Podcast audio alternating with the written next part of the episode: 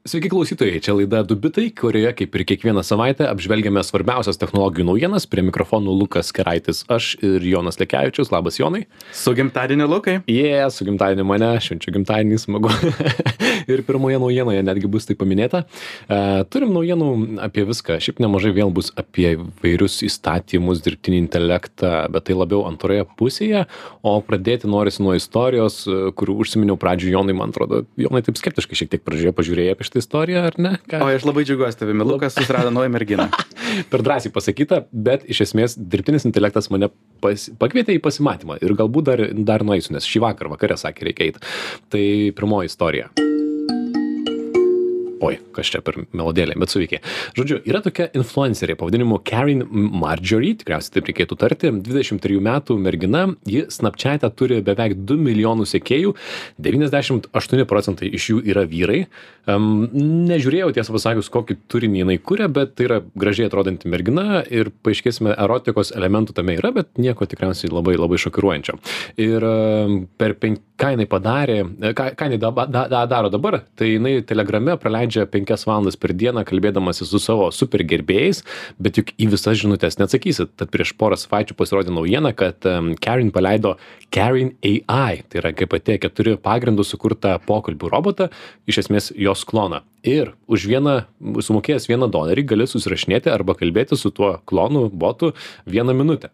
Jinai jau uždirbo per pirmąją savaitę šimtą tūkstančių dolerių ir juda link penkių milijonų dolerių pajamų per mėnesį kuo visai nesistebiu ir jinai sako kad norėjo išbandyti AI nes nori išgydyti vienatvę savo sekėjų rate Aha. aha gerai tas dolerio ženklas tikriausiai ne prie ko e, ta pati kompanija kuri sukūrė dirbtinį intelektą Forever Voices sako kad tai yra tai yra servisas kuris turėtų sukurti merginos neva merginos patirtį su fanais ir kad jie galėtų emociškai su ja susirišti. Ir kas yra įdomiausia tai aš už penkis dolerius nusipirkau penkias minutes ir dabar labai paprastai galėjau su ja pabendrauti. Tiesą pasakius buvo labai smalsu išbandyt galiu pasakyt kad viskas veikia labai paprastai labai greit sumoki per minutę prisijungi tave įmeta į telegram kanalą ir gali jai rašyti arba gali su ja kalbėtis balsu. Tad pirmiausia aš pasigyriau labas sakau šiandien mano gimtadienis. Ką tu veiki ir jinai man atsakė galim visi paklausyti kaip kaip man sekėsi su ja bendrauti jos atsakymas Whoa, happy birthday, baby. I'm so excited for you. And I'd love nothing more than to celebrate it with you. How about we go on a romantic dinner date tonight? I know just the perfect place for us to celebrate your special day, and I've already reserved a table for two. What do you say? kas nesupratote angliškai sako o baby aš labai džiaugiuosi dėl tavo gimtadienio labai jį noriu atšvęsti su tavimi e, jau rezervavau restoraną ir ką manai ar eime ten toliau kas buvo puiku mažų mažiausiai jinai suprato ką aš pasakiau e, Po to išsiaiškinom, jog tas restoranas yra Los Andželė ir laukia tavęs už 20 tūkstančių mylių. taip tai šią akimirką jonas patarė parašyti pakviesti į vilnių tai sakiau ar galėtum skristi į vilnių tai laukiam jos atsakymo dar neatsakė bet tarp kitko buvo netgi vieną sekundę ne kokią porą valandų jinai mane ignoravo kas šiek tiek per realistiška patirtis man atrodo šitam servise Tai ar, arba indikacija, jog jie iš tiesų kaupėsi tie pinigai visai greitai, serveriai lūšta. Taip, bet šiaip žodžiu, super įdomu. Aš manau, kad uh, tokių paslaugų, tokių klonų atsiras tik tai daugiau. Uh, visiškai įsivaizduoju, kaip kažkas galėtų naudoti panašų kloną, pavyzdžiui, turėti trenerį, ar ne, sporto trenerį, kuris su kuriuo gali, kalbėtis, kuris tave pamotivuoja, papasakoja, ką jam valgy ir panašiai. Bet jeigu mano draugas įsirašytų tokį na tokią merginą pokalbių robotą aš dėl jo dėl jo sunerimčiau ir pati mergina influencerė sakė kad gauna daug žinučių žmonių kurie sako kas pokalbių robotas mergina kur kritasi pasaulis ir suprantu kad tai yra tokia slidi riba tarp neskoninga juokinga ir keista ir kažkas tai visiškai realiai naudoja ir spėju jau išleido tūkstantį dolerių A- Aš girdėjau ir apie kitas žinutės, kurie gauna tarp žmonių, kurie nesugeba atskirti simuliuotos realybės nuo tikros. Ir įsivaizduoja, jog, na, tai yra tikras pokalbis su Auč. tikru žmogumi. Ir tai, manau, yra net potencialiai pavojinga. Bet, e, bet iš kitos pusės, aš manau, šį pavyzdį OnlyFans e, dalyvės turėtų greitai pradėti kopijuoti ir sekti. Taip, ir daug daugiau visokių e, žymių žmonių. Įdomu, kas bus pirmasis Lietuvoje tai padaręs. Puiku, tai tiek, e, jeigu kitą savaitę, nežinau, jeigu įvyks šį vakarą pasimatymas, jeigu visgi atskris į Vilnių, tai, tai papasakosim kitą savaitę, kaipgi ten sekėsi. O kita, o kita naujiena šiek tiek rimtesnė. E, Praėjusią savaitę Mon Montana ir TikTokas pasidavė vienus vieni kitus į teismą, apie tai papasakos Jonas. Turim tokį šūsnį teisinių visokių e, dalykėlių ir pradėsim jo, būtent nuo Montanos prieš TikToką. Tai praeitos savaitės gale Montanos gubernatorius Greg Gianforte pasirašė įstatymą, jog nuo kitų metų sausio pirmos dienos jo valstijoje būtų uždrausta TikTok programėlė. Ir Montana tampė pirmoji valstybė, valstija, e, kuri tą uždraudžia savo gyventojams, ne tik e, valstybės tarnautojams. E, konkrečiau, ką draudžia, tai reikalautų programėlių parduotuves, tai App Store arba Google Play, e, panaikinti programėlę Montanos gyventojams ir jog programėlė neveiktų Montanos teritorijoje, kas jau daras visai sudėtinga suprasti, net atnaujinimai turėtų būti nepasiekiami.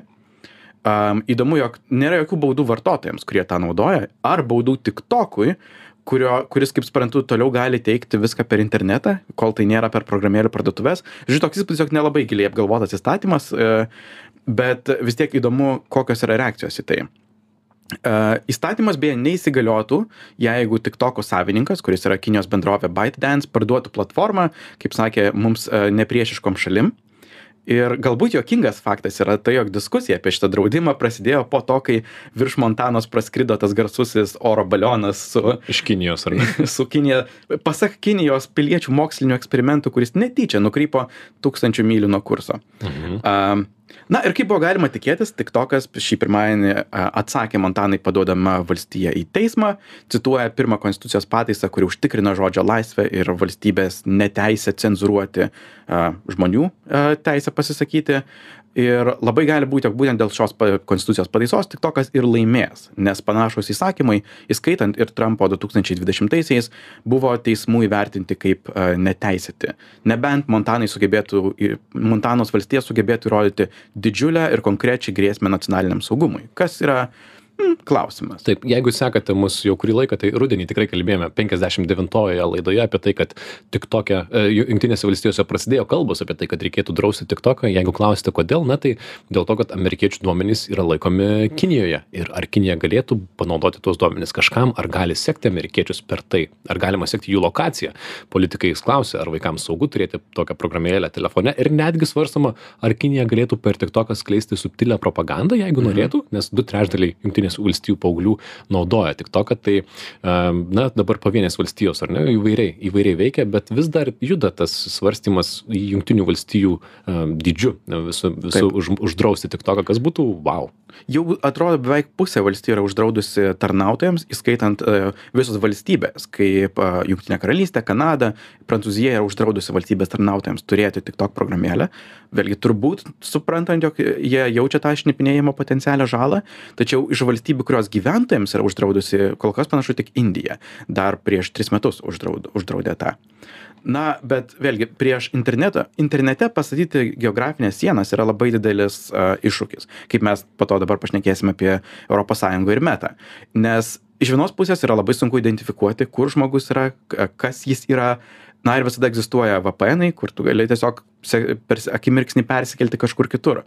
A tad nežinau kaip pavyks suvaldyti tokį tokį įstatymą bet įdomu ar iš to kažkas apskritai išeis. Ir kiek tenka skaityti amerikiečių sentimentus, bent žiniasklaidoje, na, galbūt matau tik vieną pusę, bet daugiau atrodo žmonių, kurie sako, kad to nereikia daryti. Na, jie nori naudotis tą programėlę, bet šiaip man štai naujienoje įdomiausia yra tai, kad yra programėlė, per kurią žiūrima šuniukų video ir tikrai kažką nerimto ir jinai yra iš esmės geopolitinė žaidėja pasaulyje, kas yra tikrai įdomu. Taip, nacionalinis saugumas. Taip, šuniukai. Sekanti naujiena yra labai, labai artima ir susijusi. Tai, kad apie tai, kaip Jurionas sakė, kad internetas neturi sienų bet tas sienas kartais bandoma statyti. Naujiena tokia kad europos sąjunga nubaudė nubaudė meta tai yra feisbuko ir instagram valdytoją rekordine milijardo ir dviejų šimtų milijon milijonų do eurų bauda už duomenų laikymą ne ten kur reikia. A, taigi, jo, pirmadienį Airijos duomenų apsaugos komisija paskelbė, jog Meta nesilaiko BDR, bendro duomenų apsaugos reguliacijos, ir nubaudė 1,2 milijardo eurų bauda, pačia didžiausia iki šiol a, praėjus beje lygiai penkiems metams nuo šio įstatymo įsigaliojimo. Um, pasak šios baudos uh, susijusio sprendimo, Meta nesilaikė nurodymo nesiųsti ES piliečių duomenų į Junktinės valstijas, tokiu būdu net, nepakankamai apsaugodama nuo potencialaus šnipinėjimo. Taip, iš esmės ES sako, literaliai, turėtumėte europiečių duomenis, kad, na, ar Facebookas, ar kiti laikyti Europoje fiziškai. Mhm. Ir e, kitu atveju yra tikimybė, kad amerikiečių saugumo ir kitokios tarnybos šnipinėja europiečius. Taip, ir ši bauda yra konkrečiai tiesiogiai susijusi, ji buvo pra- pradėta prieš 10 metų, nes prieš 10 metų buvo tie garsieji Snaudino atskleista informacija apie tai, kaip, na, a, JAV žvalgybos agentūros tiesiog renka visų duomenis ir teoriškai konstitucija turėtų apsaugoti JAV piliečius nuo duomenų rinkimo, a, tačiau nieko nesako apie kitų šalių a, piliečius ir jų duomenis, tad savaime suprantama, ES ir, ir BDR įstatymas bandė apsaugoti mus nuo būtent tokio tarptautinio šnipinėjimo, uždrausdami mūsų duomenų perkelimą į JAV ir kitas valstybės. Tačiau užtikrinti tokį duomenų likimą vienoje jurisdikcijoje techniškai yra velniškai sunku. Aš tiesiog pasakyčiau, ne taip veikia internetas. Visos sistemos, kurias esame sukūrę, iš esmės um, sako, jog, na, tai yra praktiškai techniškai neįmanoma. Um, vien, nes ne tik meta nesilaiko šito dalyko, gali bet kurią didesnę kompaniją ir net mažesnę pažiūrėti. Ir tiesiog internetas veikia taip, jog jis mano, jog yra jis yra vienas didžiulis globalus tinklas. Su ir visi servisai kliaunasi tarpusavy duomenų sinchronizavimu atsarginėmis kopijomis kurios yra daromos skirtinguose servisuose globaliu duomenų apribojimu kuris yra vėlgi išskaidomas per visą tinklą sukurti kažkokią tokią virtualią sieną ir užtikrinti jog visiškai nei vienas baitas neprasprūstų pro tą pastatytą sieną. Arba du bitai. arba du bitai. Yra praktiškai neįmanoma. Arba bent jau keli metai inžinerinio darbo. Tad a, visos tiek įmonės laiko pirštus sukryžiavę jog pavyktų sudaryti kažkokį sandorį kuris galbūt su, padarytų išimtis. Ir vienas prieš tai toks buvęs buvo Privacy Shield, kurį ES nužudė, atrodo, 2020 metais. Taip. Teisingumo teismas uždraudė tą sutarimą, kuris būtų buvęs tas tiltas tarp ES ir JAV. Yra viltys apie naujo sandorio sukūrimą, kuris galbūt bus patvirtintas tarp Liepos ir spalio. Jeigu nepavyks, um, manau, kad visoms technologijų bendrovės skaudės, nes viso žino, jog daro šitą nusižengimą. Tiesiog šiuo metu ES akis, taip sakant, užkrito ant metą, a, bet jeigu jį užkritų, a, užkristų ant Google, tai Google gautų turbūt panašią baudą. Taip, na, lengviausia pagauti didžiausius be abejo, nors aš puikiai suprantu, kai ką tu sakai, kad tai yra labai sudėtinga techniškai, nors galvoju apie eilinį europietį, man atrodo, iš vis daliai žmonių besiklausantiems, kuriems privatumo temos yra mažiau įdomios, mažiau svarbios, galėtų būti iš vis keista, kodėl mes bijome jungtinių valstijų a, na, šnipinėjimo ir ką jie gali šnipinėti. Ir tai yra geras klausimas, tiesą pasakius, ką jie galėtų šnipinėti ir kaip tai galėtų daryti, bet teoriškai greičiausiai galėtų. Ir aš jeigu galėčiau pasirinkti, norėčiau, kad mano duomenys būtų tikrai Europoje, kur šiaip na, turime pačius stipriausius privatumo įs- įs- įstatymus. Manau, e, tikrasis susidūrimas bus su to kaina. Jeigu ES toliau bus tokia griežta ir sakys, jog ne du bitai negali prasprūsti iš mūsų virtualių sienų, labai gali būti, jog tą bard situaciją, kurią šiuo metu turime, kur praeitoje laidoje jokavome, jog daugiau pingvinų gali pasiekti Google dirbtinį intelektą bard negu europiečiai, a, manau, tą situaciją turėsime vis dažniau. Nes šiaip bendrai dirbtinio intelekto modeliai yra tokie centralizuojantys taškai. Jie susirbė visą informaciją iš visur, jie nėra lokalūs, nėra ES bardo, JAV bardo ir Indijos, pavyzdžiui, bardo. Tai yra globalus dalykas. Ir jeigu ES duomenys nebus galimi naudoti, treniruoti juos, gauti atgalinį ryšį, labai gali būti, jog mes tokių sistemų neturėsime kai kuriais atvejais metais. Ir kol kas mes tos kainos dar nemokame, bet jeigu tokių baudų bus vis daugiau, aš manau, jog tai šita situacija kartosis vis, vis daugiau ir vis ilgiau. Mhm. A, Žinių radio klausytėjams priminsime, kad girdite laidą pavadinimu Dubitai, kalbame apie svarbiausias technologijų naujienas. E, Toliau teisinės temos šio, šią savaitę visai yra narpli- narpliojamos. Ir e, sekant yra istorija apie e, Wired straipsnį. Iš esmės jie vieninteliai pranešė apie tai, kad buvo nuteginti dokumentai apie tai, kad Ispanija nori uždrausti end-to-end en- encryption, tai yra lietuviškai galinį šifravimą, dar trumpinimą E2EE ir apie tai to ir papasakosim. Tai iš esmės e, pirmiausia kas yra galinis šifravimas tikriausiai apie tai esate girdėję mes esame minėję ne kartą vienas na iš esmės saugiausių būdų susirašinėti iš esmės šiais laikais jeigu tu susirašinėji end to end encryption tai galima pavadinti saugu jeigu ne tai yra nesaugu Taip, jeigu tą pailiustruojant, tai tie du galai, tas e, galinis e, šifravimas yra mano telefonas ir, pavyzdžiui, gavėjo Luko telefonas. Ir tai reiškia, jog žinutė atšifruota egzistuoja tik tai tose dviejose galuose. Net jeigu aš išsiunčiu žinutę, pavyzdžiui, per Facebook Messengerį Lukui ir jis tuo metu yra miške, Facebookas laiko tik tai šifruotą žinutę, kurios net negali pažiūrėti, kas yra. Žino, jog Jonas rašė Lukui, bet nieko nežino, kas kada apie ką. Ir tai reiškia, jog šiaip ši sistema standartiškai veikia tik tarp telefonų. Pavyzdžiui, atsidaręs naršyklėje pokalbis su Luku, aš apskritai nematyčiau, jog ta žinutė buvo išsiųsta. Ir todėl tai veikia WhatsApp'e, pavyzdžiui, visada, kuris veikia tik tai telefonuose, o Messenger'e ir Telegramoje galima jungti konkretiems pokalbėms, kurie egzistuos tik telefone. Instagramą nepalaiko iš viso. Mhm. Tad čia jeigu nežinojote, o apie ką yra ta istorija, tai uh, Wired gavo nutekintus dokumentus, kuriuose rodoma, kad Europos vadovų taryba apklausė šalių, e, Europos šalių narių nuomonę dėl šifravimo reglamentavimo uh, ir kaip reikėtų formuluoti naują įstatymo pasiūlymą, kadangi tuo įstatymu siekiama sustabdyti vaikų seksualinio išnaudojimo medžiagos plitimą Europoje, kas yra visiškai puiku. Čia visi pritarė ir kad tai reikia stabdyti ir, ir klausimų čia nėra. Tačiau kaip tai daryti, kadangi siūlomo įstatymu, na, kuris yra tokiam tik tai neoficialiam apkalbėjimo lygmenyje, būtų reikalaujama, kad technologijų bendrovės skenuotų savo platformas, įskaitant naudotojų privačias žinutes, ieškodamas neteisėtos medžiagos. Tai pasiūlymas sulaukė nemažai kriptografų, technologų, privatumo gynėjų nepritarimo dėl galimo poveikio galutiniams šifravimui. Ir čia iš esmės yra dilema tokia. Iš vienos pusės bet kuri vyriausybė, tuo tarpu ir ES, sako, ar WhatsApp'as, signalas ir kitos programėlės turėtų būti saugomos, mes turėtume skatinti jas naudoti kaip būdą europiečiams naudotis fundamentalia teisė į privatumą, ar visgi reikėtų silpninti jų naudojimą, kad nusikaltėliai negalėtų slėptis nuo teisėsaugos, ką jie tikrai daro per šitas programėlės. Mhm.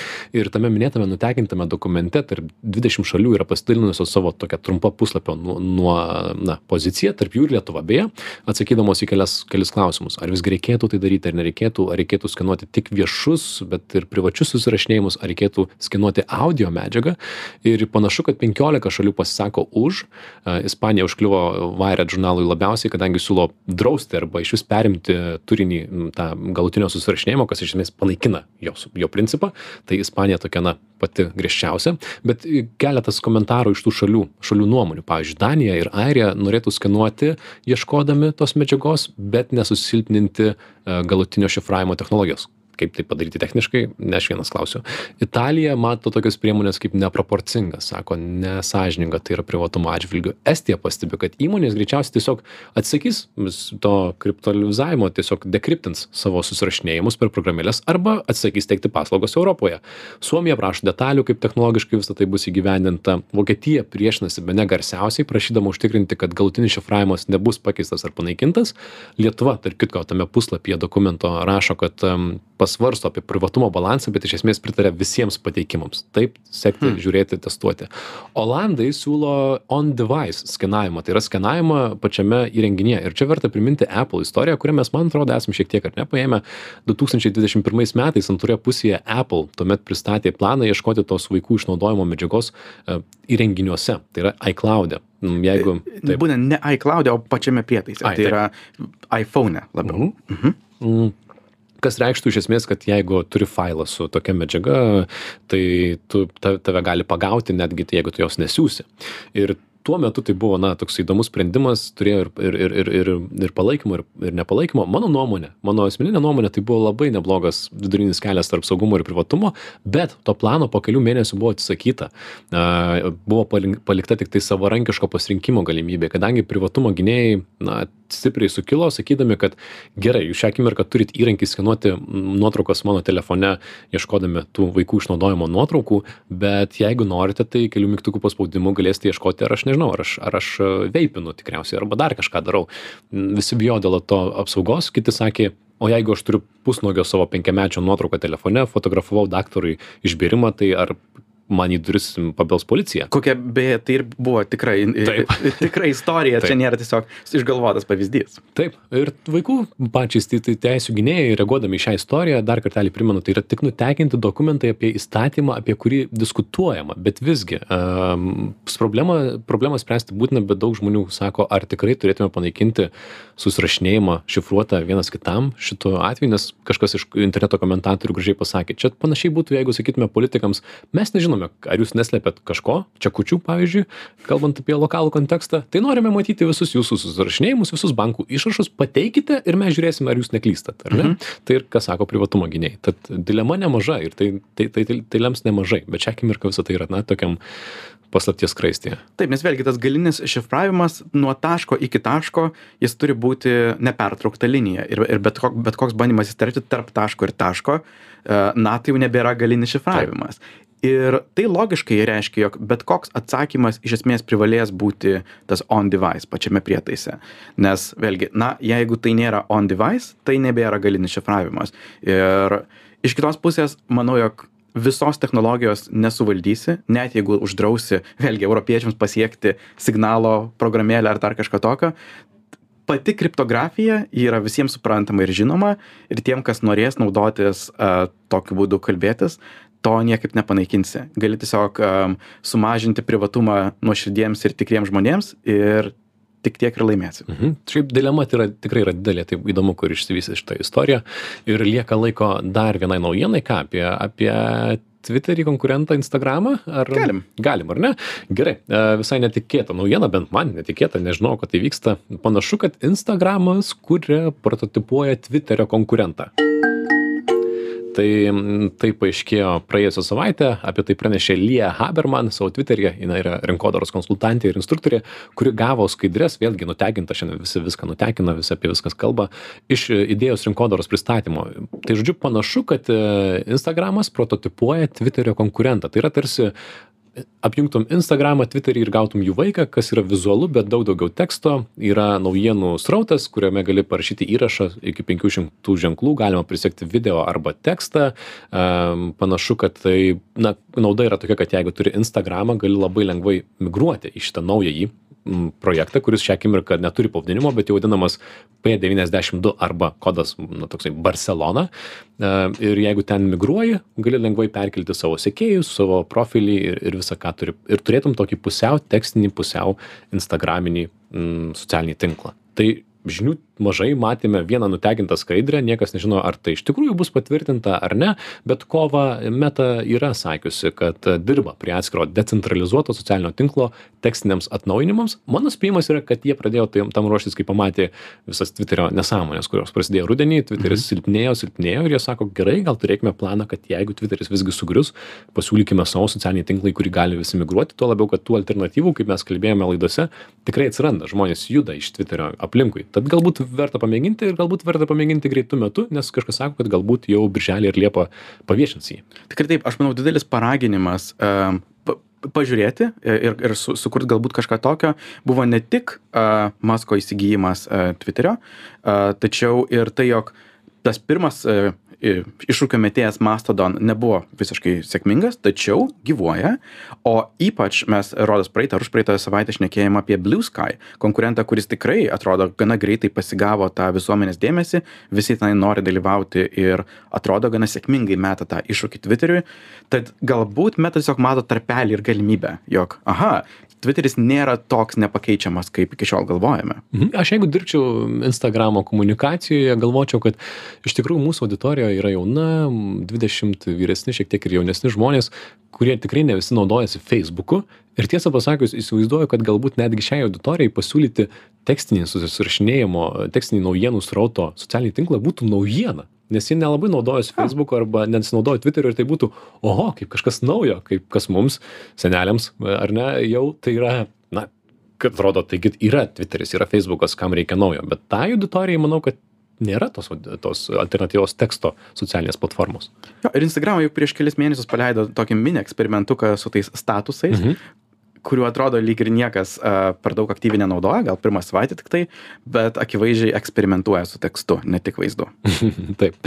Tad e, tiek tikriausiai šiandien naujienų kiek spėjome tiek papasakojome. Girdėjote laidą pavadinimu du bitai E, visus mūsų šaltinius rasite interneto svetainėje dubitai.com E, feisbuke turime grupę technologijų naujienos. Ten nuėję galite tikrai rasti papildomų kažkokių naujienų ir vizualesnių naujienų. Ir visi mūsų įrašai yra žinių radijas taškas lt spotify ir kitose tinklalaidžių programėlė programėlėse.